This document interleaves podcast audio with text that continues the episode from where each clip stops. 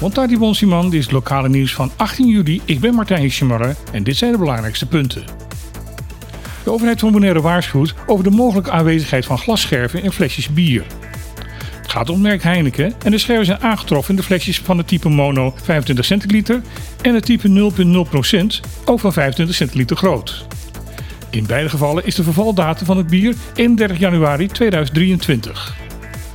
Mocht u flesjes van dit type in bezit hebben, wordt u dringend aangeraden deze niet te gaan gebruiken. In de laatste twee maanden van vorig jaar heeft Stichting Monumentenzorg Bonaire in totaal vijf brieven gestuurd naar het lokale bestuur van dit eiland. De brieven bevatten vragen over de financiering van de restauratie van verschillende monumenten op Bonaire en de positie van de stichting zelf. Tot op heden is daar geen antwoord van de overheid op gekomen. Daarom heeft de stichting onlangs besloten om kopieën van de brieven naar de leden van de eilandsraad te sturen. Onafhankelijke raadslid Daisy Koffie vindt het niet te geloven dat het eilandsbestuur zo omgaat met de monumenten op Bonaire. Ze vindt het zeer ernstig dat het bestuur zelfs de moeite niet neemt om te reageren op vragen van een stichting die door het bestuur zelf in het leven is geroepen. Het Eilandsraad vermoedt dat door deze desinteresse van de overheid er ook potentiële financiële steun van het Nationale Restauratiefonds is misgelopen. Koffie hoopt dan ook dat het bestuurscollege op korte termijn uitleg kan geven waarom er niet gereageerd is en wat de plannen zijn betreffende de monumentenzorg op het eiland. Al eerder hadden de andere afdelingen van het SGB hun examenresultaten bekendgemaakt.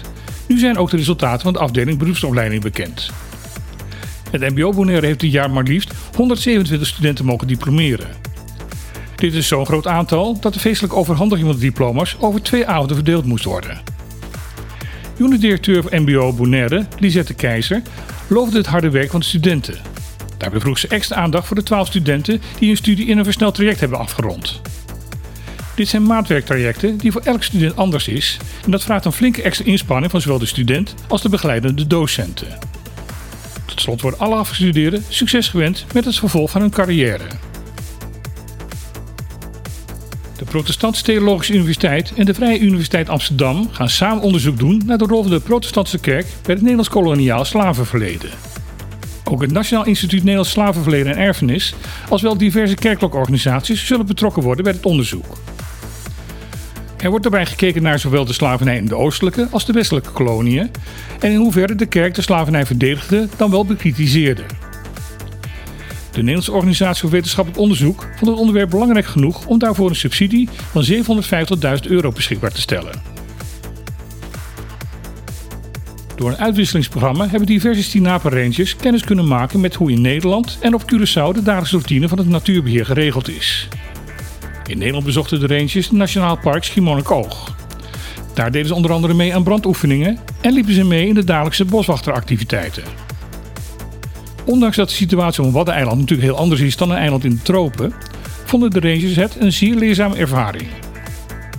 Op Curaçao werd het Christoffelpark bezocht, dat wordt beheerd door Carmabi. Hier maakten de Sinape Rangers kennis met een andere methode om geiten uit het park te verwijderen. Dit was het lokale nieuws van vandaag. Ik wens u nog een hele fijne dag en graag tot morgen.